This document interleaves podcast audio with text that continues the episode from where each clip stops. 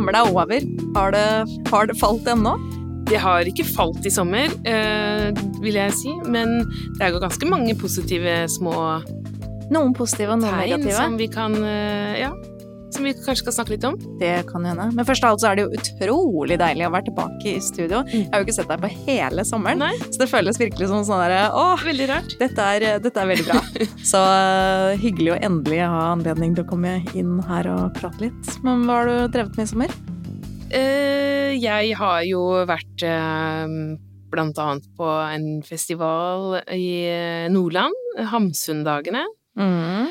Eh, Det var interessant, kan jeg godt fortelle litt om eh, snart. Eh, ellers så har jeg jo dessverre en hytte i Sverige, ja da. Så det har vært veldig vanskelig å komme seg på hytta, og hvis man prøver så blir man veldig upopulær, og ja, best å holde kjeft om det. Mm. Men du har jo heldigvis en hytte på Ona òg. Det Ja. så ikke sånn halvgærent ut, det Det heller. var er ikke min hytte, det altså, men vi var på Ona fyr, og der eh, hadde vi det fint. Ja. Og det Det sånn øh, værmessig så tror jeg dere traff ganske greit. Vi, vi gjorde det, og mye sjømat og så fikk vi tak i òg. Ja. Men det er jo sånn tross alt summa summarum, norgesferie har ikke vært så aller verst. Neida. Det må jeg i hvert fall si. Det var sånn overraskende bra. Jeg skulle jo vært tre uker i Portugal, det ble ikke noe av. Nei, Men du har pussa opp, har du ikke det? Jeg har pussa opp. Mm. Det var jo et eventyr. ikke gjort det selv. Men uh, for øvrig har jeg også bare hatt det veldig stille og rolig. Mm. Men nå er vi tilbake på Ja. jobb. Du har jo begynt å jobbe skikkelig allerede òg. Mhm. Tilbake på scenen. Fy søren, det var deilig, ass. For et halvt år siden så klaga jeg bare 'Å nei, nå skal jeg reise dit og holde foredrag'. Jeg var litt sånn sutrete, da. man blir litt sånn hvis man eh, får for mye av noe. Jeg tror vi men- alle hadde våre tider til, i forskjellige retninger, i hvert fall når det da plutselig ikke var sånn mer. Så deilig å stå på scenen og prate om da den boka som kom ut i mars, eh, den håndboka i feminisme, som jeg nesten ikke har fått prata om i det hele tatt. Og eh, så solgte du den til Tyrkia Tyrkia i løpet av solgte den sommeren. til Tyrkia, så noe har skjedd i løpet av sommeren. noe har sommeren. skjedd. Det var deilig. Ja, De trenger den. de trenger den. Det er helt sant. Men nå har jo vi hatt eh, ferie. Vi har tatt det ganske med ro, men det har jo skjedd ting i verden likevel. Som eh, på temaet vårt, mener du? Ja, på på tema, som patriarkatet og hvorvidt Ja. det faller og sånn. Mm. Har du noen nyheter å dele? Ja, jeg syns jo det var eh, ganske interessant med den nye regjeringa til Macron i Frankrike. Ja. Ja, det her skjedde helt i Macron, starten. ja, han er der ennå, han. Han er ikke så Han populær er der ennå. Nei, men man trodde jo kanskje litt at han var litt feministisk. Han snakka jo om at han skulle sette inn en kvinnelig statsminister, og hadde jo liksom litt sånn fokus på Det Det der at han har en litt eldre kone, tror jeg også har gjort et image hans image hans blitt litt mykere. Ja, det burde være noe der, men uh, så har han jo uh, Forfatteren Lila Slimani har jo vært en av hans uh, rådgivere, og hun er jo en oppegående dame. Virkelig. Men nå har han da klint til og satt inn to nye ministre, som i hvert fall de franske feministene ikke akkurat er kjempefan av. Nei, hvorfor det? Nei, det er jo en innenriksminister. Eh, Gerald eh, Darmanin. Jeg kan ikke fransk, det trenger dere ikke å regne med. Det- perfekt ut. Men eh, innenriksministeren, altså. Mm. Han har en voldtektsanklage. Han er under etterforskning av politiet for voldtekt. Det er sånn, litt sånn Søviknes-sak, da. Ja, det kan nok ligne litt Liksom på det. Den typen ministre. Ja, men det sier jo kanskje litt om Frankrike også, fordi nå, den an, angivelig må vi jo si, da, siden det nå ikke er ferdig etterforska, skal ha skjedd i 2009, eh, og ble ikke anmeldt av denne kvinnen før i 2017. Eh, og så har man da, nå er vi jo i 2020, så de har jo brukt litt tid på den etterforskningen. Mm. Så jeg vet ikke hvordan det ligger an. Mm. Men der er det jo litt interessant at det innenriksministeren i Frankrike er også ansvarlig for politiet. Ja. Så han, eh, så sjefen for politiet i Frankrike akkurat nå er under politietterforskning. Det kan jo trenere saken en smule, kanskje. Ja, det var det jo en talsperson ifra, ifra da regjeringen som presterte å si, dette er sitat, eh, vi kan ikke gjøre det umulig å sitte i regjering fordi folk blir etterforsket av politiet. Mm. Nei. Eller kan vi det? Eller kan vi det? Har vi, vi har ikke så mange å velge mellom, liksom. Nei. De fleste har jo en etterforskning på seg, Ja, det er veldig vanlig. Altså, det er liksom, hva skal vi gjøre? Mm. Det må bare ta den som har en, et eller annet som ikke er avslutta. Så det var den ene ministeren. Ja. Ja, så har vi jo én til. Ja. Og han er jo intet mindre enn justisminister. Føler at de begynner å liksom gå Mm. Norge litt i næringen Ja, med å ha sånn Vi sånn har veldig eh, problematiske justisministre de siste åra. Ja, det har vært mye. Mye forskjellig. Mye rart. Og ofte ikke så veldig langvarig. Mm. Men dette er da Erik Dupond Moretti Mm. som er utnevnt til justisminister. Mm. Og han utmerker seg ved å være en av de som er absolutt mest kritisk til metoo ja. i Frankrike. Og det skal mye til, for de er veldig kritiske De er ganske kritiske. Ja.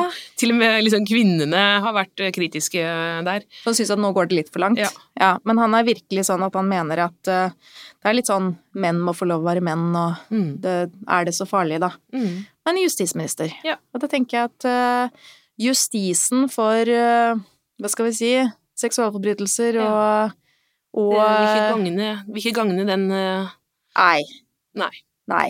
Så det var vel egentlig på veldig sånn Ja, minussida. ja, det var minussida, ja. Ja. Mm. Uh, en litt Nei, jeg vet ikke, jeg skal ikke si det er en positiv ting, men eh, det var jo Altså, jeg tror det var 2. juli, så blei jo hun endelig arrestert, hun derre Ghislaine Maxwell, som var medhjelperen til Jeffrey Epstein i denne enorme overgrepssaken. Det var jo eh, veldig mange unge jenter som har da opplevd eh, voldtekt og andre typer seksuelle overgrep, eh, også veldig mange mindreårige.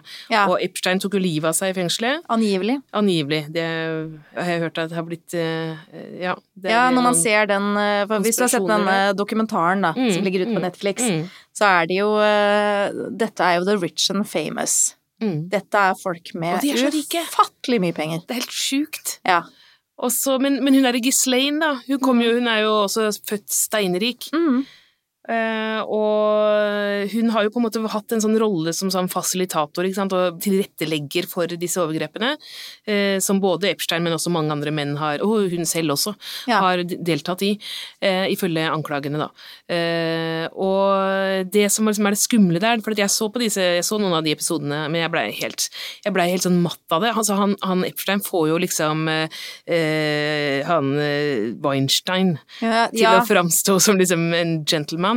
Det er på en måte så eh, jævlig, da. Det går liksom eh, mange hakk eh, lavere ned. Det Du kan jo si så jeg orker liksom, ikke se på mer, jeg. Nei, Harvey Weinstein var jo Han Altså, det er jo nesten så du mistenker ham for at han klikka litt på et eller annet tidspunkt, for der er det jo så det er jo så ufattelig, de tingene han gjorde, men det graden av overgrep mot disse unge jentene, og det å også få unge jenter til å rekruttere andre unge Ja, jenter ja.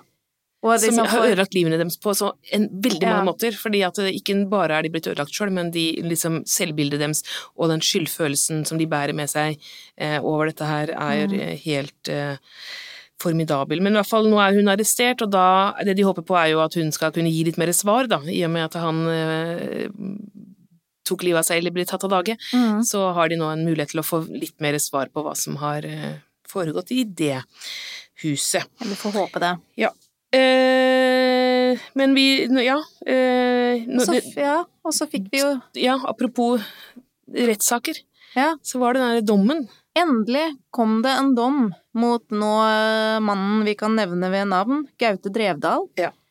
Der eh, Vi kalte han Kulturprofilen, eh, eller vi kalte han Utelivsprofilen, tror jeg. Ja. Forrige gang vi prata om Eller Bytryne. Ja, bytryne.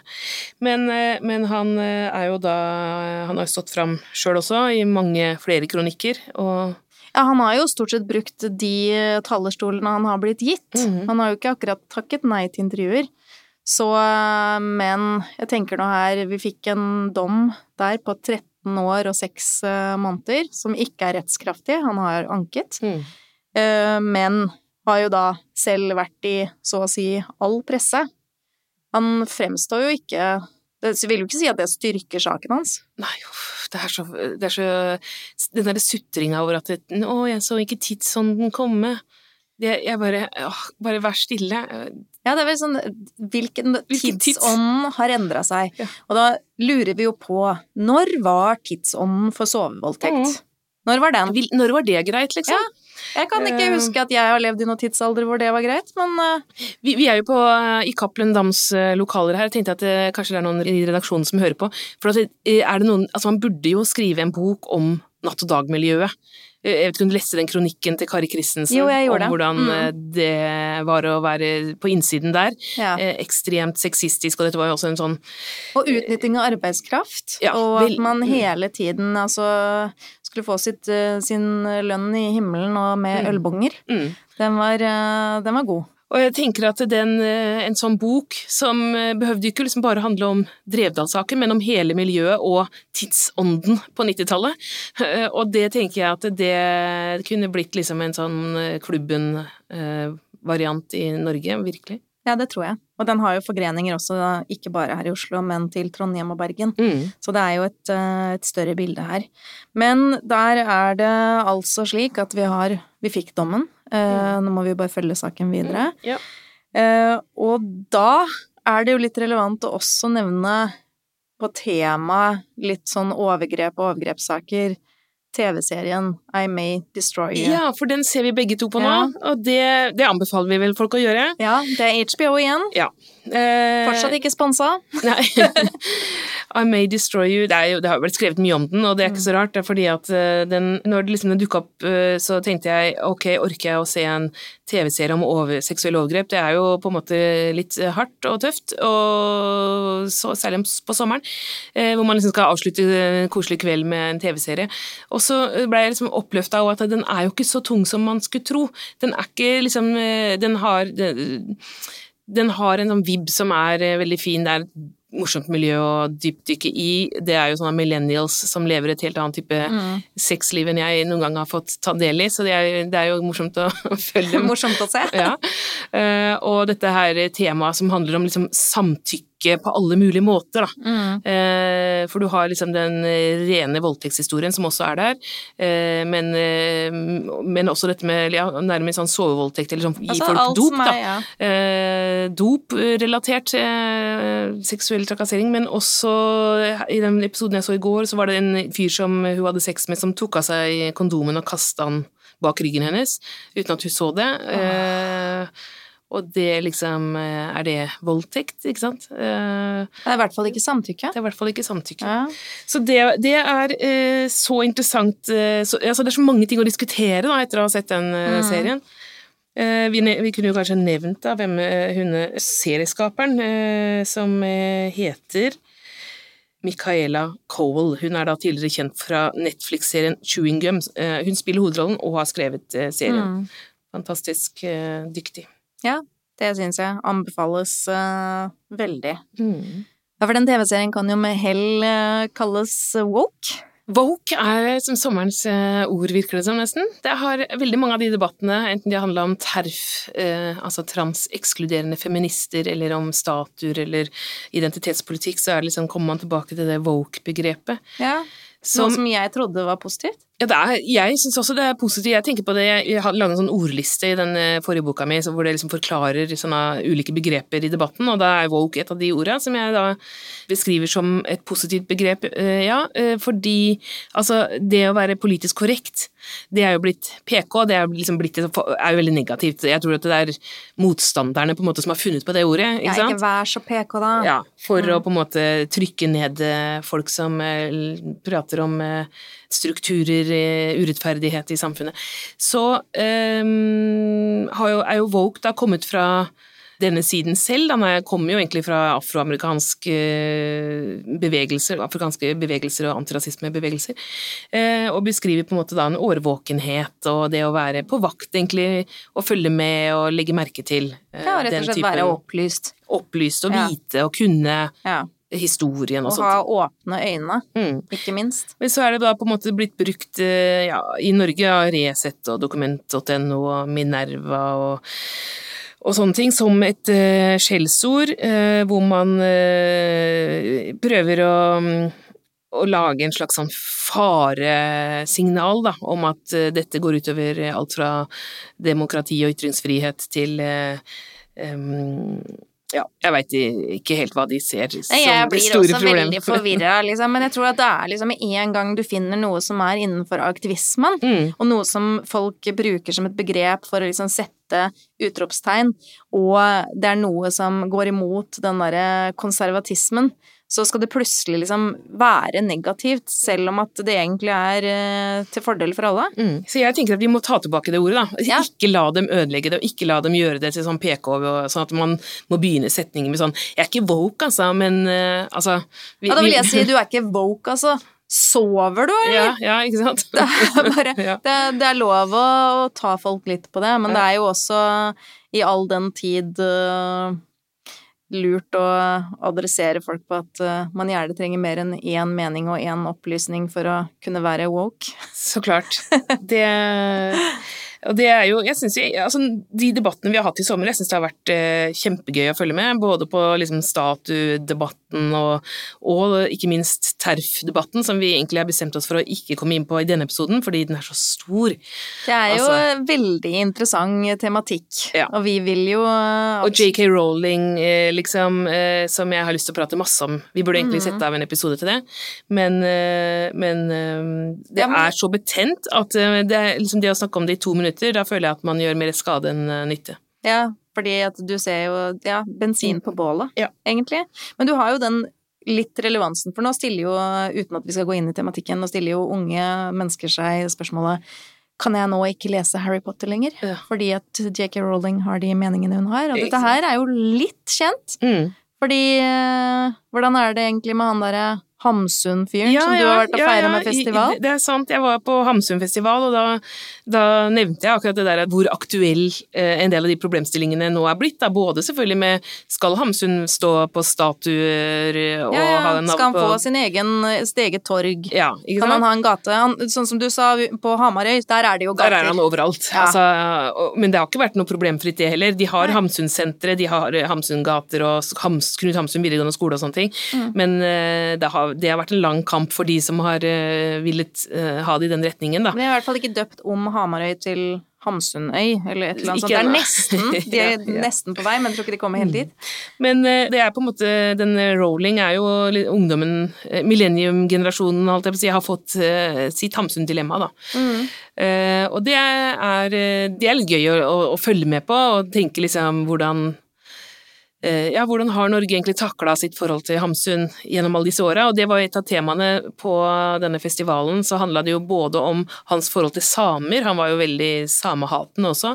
Eh, det henger jo gjerne sammen, ikke sant, hvis du Det hater er liksom noe med hvis du er eh, antisemitt Ja. og i det hele tatt skeptisk til andre enn de som er eh, vilt ariske. Ja. Ja. Men min, min påstand der var jo at eh, sexisten Hamsun har fått altfor lite oppmerksomhet. Da. Liksom at vi har fokusert for mye på nazisten og rasisten, og, og dermed glemt at han også var en stor sexist. Ja. Det må vi løfte fram. Så la oss løfte det litt frem, så Ja. snakke litt ja, mer om var- sexisten Hamsun. Du, jeg leste en bok, eh, det var eh, biografi om Marie Hamsun, eh, skrevet av Anne Hege Simonsen, og det, det var veldig interessant og gøy å få at hun fikk være hovedrollen, fordi at vanligvis er hun birollen selvfølgelig i bøkene om Hamsun, som så mange andre kvinner har vært opp igjennom eh, i disse tjukke biografier om Ja, menn, så får dem de alltid kommer fram til at hun var hardbarka nazist. Ja. Du må ikke glemme at hun også var hardbarka nazist. Det Men det var hun. Ja, det var hun. Det var hun. Men, Men, men, det var, hun var ikke skyld for hans nazisme. Det, det var hans egen eh, sak. Men det som eh, Altså, han var jo nesten 50 år når de traff hverandre. Hun var 20, 26. Eh, hun var skuespiller, hadde eh, drevet med profesjonelt eh, teater i mange år, reist rundt med et sånn reisende teater, hadde også en eh, mann i det teatret eh, som hun hadde vært sammen noen år. Eh, og så får hun endelig liksom sjansen på Nationaltheatret, som var det store. Og eh, hun eh, hadde spilt der en stund før hun da får hovedrollen for første gang i et stykke, og det var i et Hamsun-stykke. Og dermed så kom jo Hamsun og dukka opp der, og møtte henne på en måte backstage, og hun skriver jo da hans første setning var Men gud, så vakker de er da, barn. Og det var liksom på en måte nok til at han ja, måtte ha henne med ut på date og sånn eh, på teaterkafeen dagen etter. Eh, Hun fikk masse roser og mm, kjærlighet og ja, de kurtiserte da en liten stund der, eh, før det ble på en måte alvor, og da var det liksom Altså, hun gjorde slutt med denne mannen, da, men samtidig så krevde jo Hamsun at hun skulle kvitte seg med alt eh, alle brev, alle smykker, alle klær, absolutt alt hun hadde fra sitt tidligere liv. Han var plaga hele livet av at hun hadde vært sammen med et menneske før ham. En av han hadde vært gift og hadde unger og alt sånt før, før henne, men det var ikke noe. Eh, hun måtte eh, eh, Fikk ikke lov å se på folk, fikk ikke lov å snakke med venninner heller. Altså, hun måtte se ned på gata, eh, så det var helt sånn derre Sånn som vi nå forbinder med eh, ekstreme kulturer eh, i andre land, liksom. Eh, måtte eh, kle seg annerledes. eh, Altså, han styrte absolutt alt i livet hennes fra den dagen de ble sammen, og eh, hele ekteskapet. Så det var bare så fryktelige Noen av de episodene, liksom. Han, han ville jo ikke heller ha så mye med det private å gjøre, med sånne barn og eh, Fødsler og sånn? Ja, fødsler og sånn. Han tok ikke noe ansvar for den typen ting. Hun måtte jo, fikk jo fire unger. Eh, han dro jo alltid av- av gårde for å skrive da, før disse ungene kom ut, eh, og kom ikke tilbake før de var døpt og vel så det. For liksom, han ville ikke ha noe med alt det der gørra å gjøre, da. Eh, og sånn var det på en måte hele veien. Eh, om morgenen så fikk han litt sånn kaffe og sitte sånn i fred mens ungene var sperra inne på et eget rom. De fikk ikke komme ut før han hadde fått dratt til skrivestua si. Så det var den typen ting hele tiden. Så da tror man blir helt sånn ja, eh, man må jo le litt, for det er så typisk òg. Jeg har lest mange av den typen biografier om kulturmenn. Eh, Ja, og også litt sånn der på akkurat på den tida også, så høres det jo veldig kjent ut. Disse Ja. kvinnene som egentlig organiserte absolutt alt. for mennene. For mennene, Altså bare så- trippa rundt dem. Ja. Og eh, altså, bare en, Ok, jeg kan ta én historie. Jeg kan godt ta mange historier framover, for jeg har så mange Hamsun-historier nå som vi kan spre utover eh, sesongen, hvis, du, dagens, hvis du vil. eh, dagens Men Hamsun dagens- Dagens Hamsun-historie. Eh, han fikk jo nobelprisen. Eh, som kjent. Og han var veldig gjerrig, og ville helst ikke at hun, kona og ungene skulle få, eller seg sjøl, få noen nye klær. De måtte slites ut før de skulle kjøpe noe nytt. da. Men så hadde hun liksom fått overbevist han at jeg må ha en ny kjole til Nobelgallaen i Stockholm. Så han, hun dro til Kristiania og fikk kjøpt seg en fantastisk kjole, det var fineste hun hadde hatt noen gang. Den var svart og høres jo veldig lekker ut, med sånn eh, veldig sånn innsvingt i brystet, en stor eh, rød rose i stoff, og så videre, også med en sånn litt sånn flott utringning her. Så kommer hun tilbake på Nørholm, da jeg bodde i Grimstad på den tida, og bare liksom ta-da! Og så blir han helt rasende, eh, fordi det var altfor mye hud i utringningen. Så, og det her var jo liksom like før de skulle dra, da. Så hun måtte jo da rett inn til byen eh, i Grimstad med hest og kjerre og kjøpe et eh, svart stoffstykke som eh, skulle da sys i denne utringningen for å dekke til. Knut han, eh, han var jo sønn av en skredder, så han gjorde dette sjøl mens hun sto der, liksom. Hun sto med gråten i halsen, for hun så at han ødela hele kjolen, ikke. Og han var jo eldgammel og med sånn skjelvende hender. Var, hun sier det var slett ikke lett for ham, fingrene hans dirret omkring halsen min mens han snurpet innfellingen sammen øverst så tett som mulig med en masse rynker. Det så sinnssvakt ut. så, var hennes, så det var eh, Ja, den måtte hun gå på en galla med, da. En ødelagt kjole. Ja, det er jo eh, virkelig dekka til. Hadde det vært uh, mer liksom store sekkelignende klær der, så hadde hun vel kanskje blitt ikledd det òg? Det er jo på en måte um, Altså, dette er jo bare én sånn historie, men det, liksom, det var så mange ganger når jeg leste boka at jeg satt der med tenkte jeg, altså Egentlig så har man ikke så mye sympati for Marie Hamsun, for hun er jo en uh, streng, kjip uh, bitch av en nazist, særlig etter hvert. Men når du ser liksom hvordan livet hennes har vært opp igjennom, så får man jo litt eh, sympati iblant likevel. Ja. Så det er vel slik at vi skal høre litt flere sånne historier. Det er vel Ja, ikke bare Marie han eh, utsatte for denne sexismen sin heller. Ja, ja, Vi kan snakke om eh, Anna Munch også. Det kan Eh, vi godt gjøre. ja. Anna Munch må vi innom på et Mm. tidspunkt. Men det får bli en annen gang, Ja. fordi nå Er det slutt? Nå er det slutt. Du har hørt podkasten 'Patriarkatet faller' av og med Marta Breen og Anette Garpestad. Teknikk og musikk ved Margarita Krimici. Og utgiver er Cappelen Dam Forlag.